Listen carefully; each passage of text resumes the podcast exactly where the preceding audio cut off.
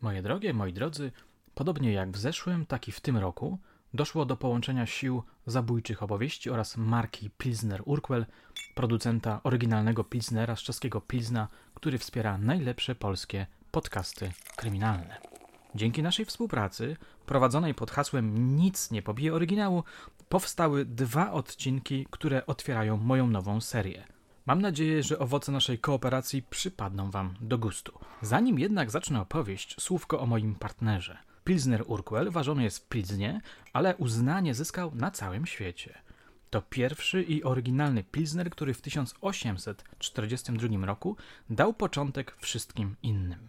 Do ważenia oryginalnego Pilsnera wykorzystywane są wyłącznie lokalne czeskie składniki. Zbliża się sezon na grillowanie, więc przypomnę Wam jeszcze znaczenie dwóch smacznych słów. Piwowar to osoba, która waży pilznera tradycyjnie w kadziach warzelnych, chroniąc nie tylko jego smak, ale także zanikające praktyki rzemieślnicze. Tapster zaś to mistrz barmaństwa. Według czeskiej tradycji piwowar waży piwo, ale to tapster tworzy piwo. A teraz możemy przymknąć oczy i zanurzyć się w nowej, mrocznej historii. Posłuchajcie.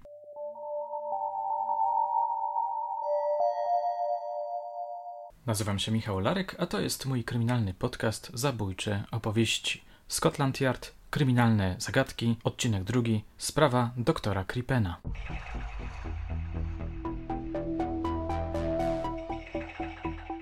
Moje drogie, moi drodzy, dzisiaj ponownie przenosimy się do Londynu, żeby posłuchać o kolejnym śledztwie przeprowadzonym przez policjantów pracujących w Scotland Yardzie.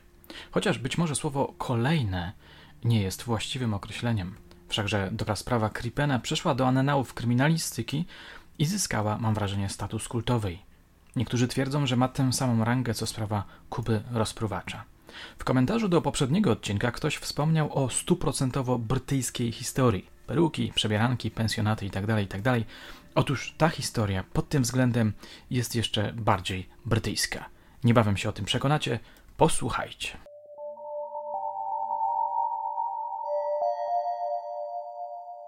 Przenosimy się do 1910 roku. Wchodzimy do gabinetu inspektora Waltera Dew, znanego i znakomitego oficera, który brał udział w śledztwie w sprawie wspomnianego Kuby rozpruwacza. Jest 30 czerwca. Naprzeciwko niego siedzi właśnie John Nash, clown. Mówi mu, że zaginęła niejaka Cora Tanner, przyjaciółka jego i jego żony Lil Hawthorne. W podejrzanych okolicznościach, dodaje. Kim jest ta pani? Śpiewaczka, jej pseudonim artystyczny to Belle Elmore, Wyszła przed laty za doktora Kripena. Ale dlaczego mąż nie zgłosił jej zaginięcia? pyta inspektor. Odpowiedź brzmi: Kripen twierdzi, że Kora zmarła w Ameryce. Dał ogłoszenie w gazecie z tą informacją. Według Nasza coś tu się jednak nie zgadza. Dlaczego? Mężczyzna mówi, że kiedy Kora przebywała w Stanach, on tam był również ze swoją małżonką. Na tournée. Kora wiedziała o tym i nie odezwała się do nich. To dziwne. Bardzo, bardzo dziwne. Nasz sugeruje, że Kripen może kłamać. Inspektor przyjmuje to zgłoszenie i zaczyna węszyć. Okazuje się, że Cora Tanner Krippen jest śpiewaczką, kiepską niestety, której nikt nie chciał zatrudnić. Dew odwiedził Melindę May, przewodniczącą Music Hall Ladies Guild. Skarbniczką tego stowarzyszenia była właśnie Cora. W trakcie rozmowy wpłynął ciekawy wątek. Otóż 2 lutego w siedzibie stowarzyszenia pojawiła się młoda kobieta, panna Ethel Leneve, Piękna, czarnowłosa, lekko onieśmielona. Przedstawiła się jako sekretarka Kripena. Wręczyła przewodniczącej list od Kory. Wacław Paweł Borowiczka, autor książki Scotland Yard w akcji, przytacza jego treść. Zakładam, że to prawdziwy cytat. Droga pani May, nagła choroba jednego z moich krewnych zmusiła mnie do natychmiastowego wyjazdu do Ameryki. Dlatego proszę o powierzenie funkcji skarbnika w tym czasie którejś z pań ze stowarzyszenia. Mam nadzieję, że za kilka miesięcy zobaczymy się ponownie.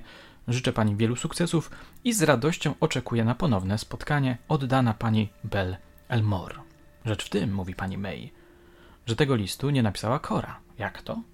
To nie jest jej pismo. Inspektor Dew porównał, pisze Borowiczka, pismo w książce kasowej oraz w liście i stwierdził, że rzeczywiście autorką zacytowanego listu nie mogła być zaginiona kobieta. W tym momencie sytuacja robi się niezwykle ciekawa. Pojawia się na przykład pytanie, kto w takim razie napisał list i w jakim celu. Oficer Scotland Yardu węszy dalej, sprawdza Crippena. Jego pełne personalia to Howley Harvey Crippen. Kilka słów o nim. Urodził się w Stanach Zjednoczonych w 1862 roku. Ukończył studia lekarskie w Michigan. Związany był z homeopatią i okulistyką. Jego pierwsza żona, z którą miał syna o imieniu Otto, zmarła wkrótce po porodzie. Dziecko oddał rodzicom, a sam przeniósł się do Nowego Jorku. Tam w 1892 roku poznał Korę Tanner, która tak naprawdę nazywała się Kunegunda Macka-Mocki. Pochodziła z biednej rodziny, miała polsko-rosyjsko-niemieckie korzenie. Marzyła o byciu słynną śpiewaczką operową, ale kiedy zorientowała się, że nie ma na to szans, poświęciła się, jak to ujął Borowiczka, lżejszej muzie. Krippen pracował jako szef działu reklamowego farmaceutycznej firmy, był pracowity, skromny, łagodny, o manierach dżentelmena. W 1910 roku miał 48 lat. Gdy państwo Krippen przenieśli się do Londynu, doktor zajmował się sprzedażą lekarstw, a także dofinansowywaniem kariery małżonki, która to kariera nie chciała się jednak rozwijać. Jürgen Torwald tak ujął ich relacje, które z perspektywy czasu można by nazwać tragicznymi. Zaślepiony miłością Krippen finansował liczne lekcje śpiewu i w końcu przeniósł się do Londynu, gdyż Kora miała nadzieję, że w brytyjskiej stolicy zrobi karierę prędzej niż w Nowym Jorku. Ale w Londynie także jej kariera nie sięgała poza kilka występów w tanich music hallach. Z natury agresywna uczyniła z Krippena piorunochron dla swoich rozczarowań. Otaczała się mniej lub bardziej wątpliwymi wielbicielami, zmuszała Krippena do prowadzenia gospodarstwa i obsługiwania jej gości. Jej ostatnim adoratorem był Amerykanin Miller. Tyle Torwald w tym zakresie. Z dostępnych materiałów wynika, że Cora zmieniła życie swojego męża w małe piekiełko. Mieszkali na Hilltop Crescent 39. Inspektor Dew dowiedział się, że 31 stycznia 1910 roku Krippenowi ugościli zaprzyjaźnione małżeństwo Martinettich. To było wesołe, głośne party, które jednak zakończyło się wielką kłótnią pomiędzy gospodarzami. Podobno goście musieli zainterweniować i stanąć w obronie Krippena, którego zaatakowała wściekła małżonka. Martinetti wyszli około pierwszej trzydzieści. Mówił, że wypili później po szklaneczce whisky i pogodzili się. Inspektor Dew dowiedział się, że nieco później, zdaje się, że na początku lutego, Krippen w Lombardzie pożyczył około 200 funtów pod zastaw kosztowności należących do jego żony. Wkrótce pojawił się na balu zorganizowanym przez Music Hall Ladies Guild. Towarzyszyła mu młodziutka sekretarka Ethel Neff. Ten fakt wywołał wielkie poruszenie wśród gości. Panie ze stowarzyszenia dostrzegły na sukni młodej kobiety biżuterię będącą własnością Kory, broszkę z brylantami i szafirami. Pani May, zaintrygowana sytuacją, odwiedziła Kripena i poprosiła go o adres Kory. Doktor powiedział, że go nie zna i że Kora tuła się gdzieś po Kalifornii. Dodał, że wysyła do niej listy na adres jego syna z pierwszego małżeństwa. Jeśli więc pani May chce się z nią skontaktować, można wykorzystać tę ścieżkę.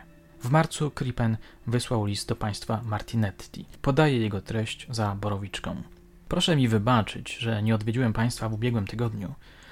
Otrzymałem bowiem straszną wiadomość, po której załamałem się. Kora w Ameryce poważnie zachorowała. Podobno chodzi o obustronne zapalenie płuc. Wciąż się zastanawiam, czy nie pojechać do niej. Wasz Krippen. Ostatecznie Krippen nie wyruszył do Ameryki. Ciekawostka, na święta wielkanocne pojechał ze swoją sekretarką do francuskiego nadmorskiego uzdrowiska. Z urzędu pocztowego wysłał telegram do Martinettich. Kora zmarła wczoraj o szóstej, stop, wracam w środę po świętach, stop, Krippen. Po świętach pani Martinetti wraz z Lily Hawthorne odwiedzają Krippena. Chcą mu złożyć kondolencje. Przy okazji podpytują doktora, gdzie umarła ich przyjaciółka. W Los Angeles. Ale gdzie dokładniej, pod jakim adresem, może u rodziców? Krippen oznajmia, że Kora nie utrzymywała z nimi żadnych kontaktów. Nie byli nawet na naszym ślubie, dodaje. Pod koniec marca doktor publicznie ogłosił w gazecie, że jego żona umarła. Tu kolejna ciekawostka. Według Borowiczki jeszcze w marcu miała się wprowadzić do niego Etel. W maju Krippen powiadomił stowarzyszenie, że do Londynu przetransportowano trumnę z prochami kory i w związku z tym poda niebawem datę pogrzebu. Gdy inspektor Dew pozyskał te wszystkie informacje, wybrał się na Hildrop Crescent, żeby porozmawiać z doktorem Krippenem.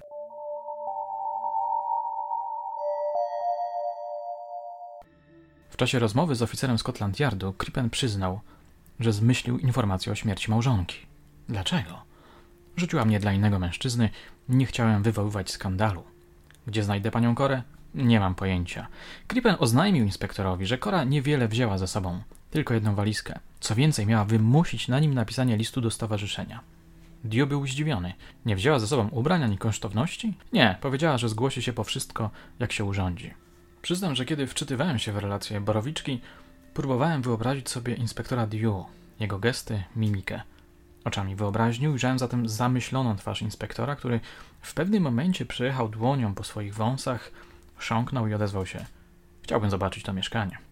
Doktor Krippen skinął głową. Proszę bardzo, odparł spokojnie i wykonał zapraszający gest. W pewnym momencie panowie zeszli do piwnicy. Było w niej kilka niepotrzebnych gratów, napisał Borowiczka, i w kącie kupa węgla. Czerwona ceglana podłoga była zamieciona do czysta. Obaj pracownicy Scotland Yardu mieli wyćwiczony wzrok i wieloletnie doświadczenie. Zauważyli, że podłoga wykonana jest prawidłowo i zaprawa murarska w szczelinach zasypana była pyłem węglowym. W tym opisie, muszę przyznać, zabrakło mi informacji, czy podłoga była nowa. To przecież ważny detal. Wychodząc, inspektor zasugerował Krippenowi, żeby zainteresował się, gdzie przebywa jego małżonka. Poprosił go, żeby dał ogłoszenie do gazet w tej sprawie, a potem zadzwonił do niego i przekazał ustalony adres. Dew zameldował o wszystkim swojemu szefowi. Być może podzielił się z nim swoim zdziwieniem, że tego rodzaju kobieta zostawiła w mieszkaniu sukienki i kosztowności. Borowiczka twierdzi, że szef inspektora nakazał wszcząć poszukiwania Kory Krippen, ale z relacji Torwalda wynika coś innego. Posłuchajcie, Dew zadowolił się sprawozdaniem Krippena. Ułożył protokół, który, jak sądził, zamknie ową sprawę. Przy opracowywaniu protokołu brak mu było jednak pewnych danych. Kiedy 11 lipca przybył na Oxford Street, gdzie Crippen miał atelier, by owe dane uzupełnić, dowiedział się, że Crippen 9 lipca opuścił Londyn w pośpiechu i bez podania celu podróży. Wraz z Crippenem zniknęła Ethel Lenef. Dopiero teraz Dew powziął podejrzenie. Tyle Torwald. Uzyskawszy pozwolenie na rewizję domową, inspektor udał się na Hildrop Crescent. Najpierw przeszukał ogród, potem zrewidował mieszkanie. Na koniec zostawił sobie piwnicę. Dew uważnie przyglądał się jej na wierzchni. Sięgnąwszy po pogrzebacz, zaczął dłubać między płytkami. W pewnym momencie obluzował jedną i wyciągnął ją, potem kolejne. Wyobrażam sobie, że w tym momencie znieruchomiał, może przymrużył oczy. Czarna ziemia Trochę piasku i wapno, pisał Borowiczka. Ta ziemia była zaskakująco pulchna. Policjanci zaczęli kopać. Nie musieli długo się męczyć. Tuż pod powierzchnią znaleźli resztki ludzkiego ciała. Dew zawiadomił jednostkę. Wkrótce na miejsce przyjechał patolog ze szpitala St. Mary, dr Pepper, i zabrał się do roboty. Oto co zapisał później w protokole. Z ciała zostały usunięte wszystkie kości, Brakowało również głowy i członków. Tors znajdował się w gorsecie z koronkowym kołnierzem. Poza tym stwierdziłem, że w pakunku znajdowała się część skóry, wielka około 11 na 19 cali, na której wyraźna była pooperacyjna blizna. Znalazłem również gęsty kłąb ciemnych włosów, na końcu utlenionych. Były zawinięte osobno do wielkiej męskiej chustki bez monogramu. Następnie przy pozostałościach zwłok została znaleziona kurtka od piżamy, na kołnierzyku której była przyszyta nazwa firmy Shirtmaker Jones Brothers Holloway. Takie podzielenie ludzkiego ciała na części i usunięcie kości mogła przeprowadzić tylko osoba z doskonałą znajomością anatomii. Sprawdzono, czy Kora miała bliznę na ciele. Okazało się, że przeszła operację wycięcia części wewnętrznych organów kobiecych. Na podstawie ustaleń medyka wydano nakaz aresztowania Kripena i jego sekretarki Etelle Neff. Za zbiegłą parą wydano list gończy i rozpowszechniono go publicznie także poza granicami Wielkiej Brytanii. Wszystko przecież wskazywało na to, że dr Krippen zamordował swoją małżonkę, być może przy współudziale młodziutkiej kochanki.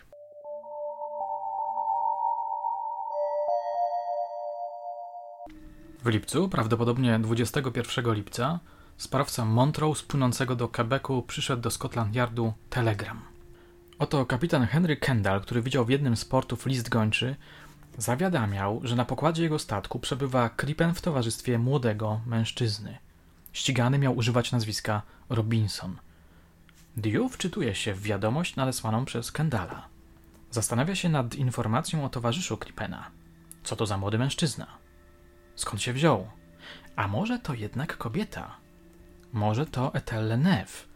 Podobno z wyglądu przypomina dziewczynę, jest szeroki w biodrach.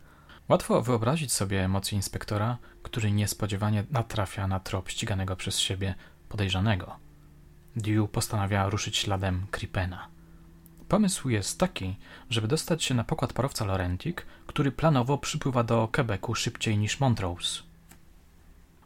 Chciałbym tutaj na chwilę zatrzymać się i powiedzieć parę słów na temat tego, jak kapitan Kendall rozpoznał Kripena. To bardzo ciekawe. Według relacji Borowiczki było tak. Kapitan przyglądając się pasażerom w pewnym momencie zwrócił uwagę na dwóch mężczyzn, starszego i młodszego. Stali przy barierce i patrzyli na morze. Trzymali się za ręce. To właśnie zdziwiło Kendala, który zaczął uważniej ich obserwować. Starszy mężczyzna przypominał mu doktora Kripena z listu gończego. Zaprosił ich na kolację, żeby przekonać się, iż jego podejrzenia są słuszne.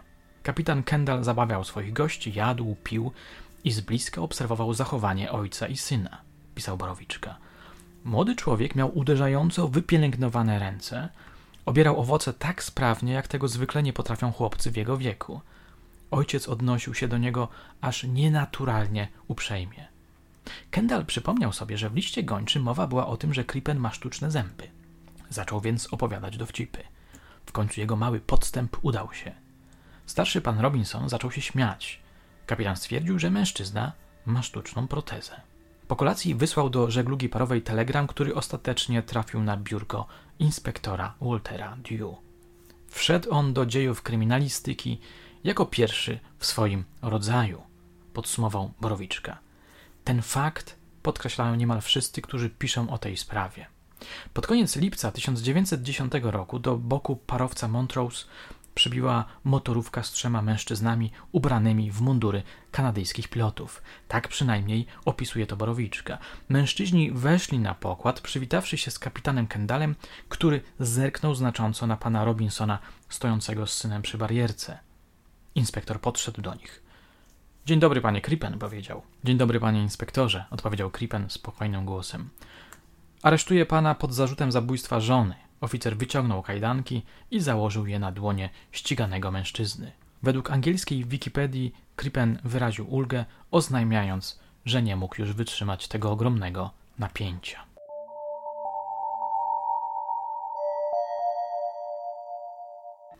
Proces doktora Krippena zaczął się 18 października 1910 roku w Central Criminal Court w Old Bailey w Londynie na Newgate. Oskarżycielem publicznym był Richard Muir. Crippen nie przyznał się do winy. Dew udowodnił, że Crippen 12 dni przed śmiercią żony kupił 5 gramów silnej trucizny, której resztki znaleziono w ciele kory. Zakupiona dawka była śmiertelna. W relacji Borowiczki zwróciło moją uwagę pewne sformułowanie. Otóż biegli mieli stwierdzić, że istnieje największe prawdopodobieństwo, iż odnalezione w domu Crippena ludzkie szczątki to szczątki kory największe prawdopodobieństwo, nie pewność. Krippen dalej się nie przyznawał. Jego obrońca twierdził, że to zwłoki innej kobiety. Zamordował ją nieznany sprawca, zanim Krippenowie wprowadzili się na Hilldrop Crescent. Biegli sądowi udowodnili, pisał autor cytowanej książki o Scotland Yardzie, że chodzi o szczątki Cory Crippen. Sędzia nie miał jednak bezpośredniego dowodu na to, kto ją zabił – Wykonał sekcję zwłok, usunął głowę i członki, a resztę ciała zakopał pod powłoką piwnicy. Rozprawa trwała pięć dni. Wszystkich zafascynowanych medycyną sądową odsyłam do stulecia detektywów Thorwalda, który dość drobiazgowo opisuje niektóre etapy procesu, a przede wszystkim przedstawia wkład biegłych w tę sprawę. Przewijają się tam takie nazwiska jak wspomniany Pepper, Spilsbury czy Wilcox – w pewnym momencie stajemy się świadkami pasjonującej sceny rodem z thrillera prawniczego, którego bohaterem jest właśnie Spilsbury. Naprawdę polecam lekturę tego fragmentu. 22 października Lord Alverston ogłosił wyrok. Respektując werdykt sędziów przysięgłych, muszę oznajmić oskarżonemu, mówił, że zostaniecie doprowadzeni do więzienia, a stamtąd na miejsce straceń, gdzie zostaniecie powieszeni za szyję i będziecie tam wisieli tak długo, aż umrzecie. Niechaj Bóg zmiłuje się nad waszą duszą. Argumenty medyków sądowych zwyciężyły zatem argumenty obrońców. Kripen nie przyjął werdyktu, odwołał się, sąd apelacyjny odrzucił rewizję, Ethel Lenef została uniewinniona.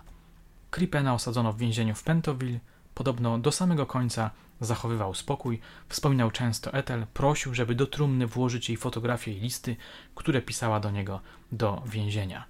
Cały czas utrzymywał, że jest niewinny. Egzekucję wykonał kat John Ellis 23 listopada 1910 roku o 9 rano.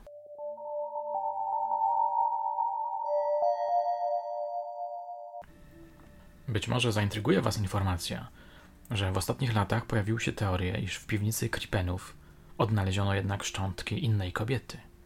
W 2007 roku David Foran z Michigan State University zasugerował, czytamy w polskiej Wikipedii, że zwłoki znalezione pod podłogą domu państwa Kripen nie należały do Kory, gdyż wykluczają to przeprowadzone badania porównawcze DNA z odnalezionych w 1910 roku szczątków oraz pobranego od krewnych Kory. Oto więc kolejna sprawa z wielkim znakiem zapytania. W angielskiej Wikipedii znajdziecie bardziej rozbudowany przewód, który kończy się informacją, iż sąd apelacyjny nie rozpatrzy jednak ponownie tej sprawy. Przeglądając materiały, znalazłem informację o sztuce, która przedstawia alternatywne wyjaśnienie, kto został zakopany w piwnicy na Hydrop Crescent. Może uda się do niej dotrzeć. Jestem bardzo ciekawy tej teorii. I jeszcze jedna uwaga.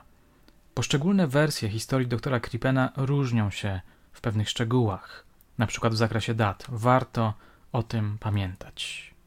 Moje drogie, moi drodzy, a na dzisiaj to już wszystko. Czekam na Wasze komentarze, łapki w górę, maile. Dziękuję za uwagę. Do usłyszenia już niebawem.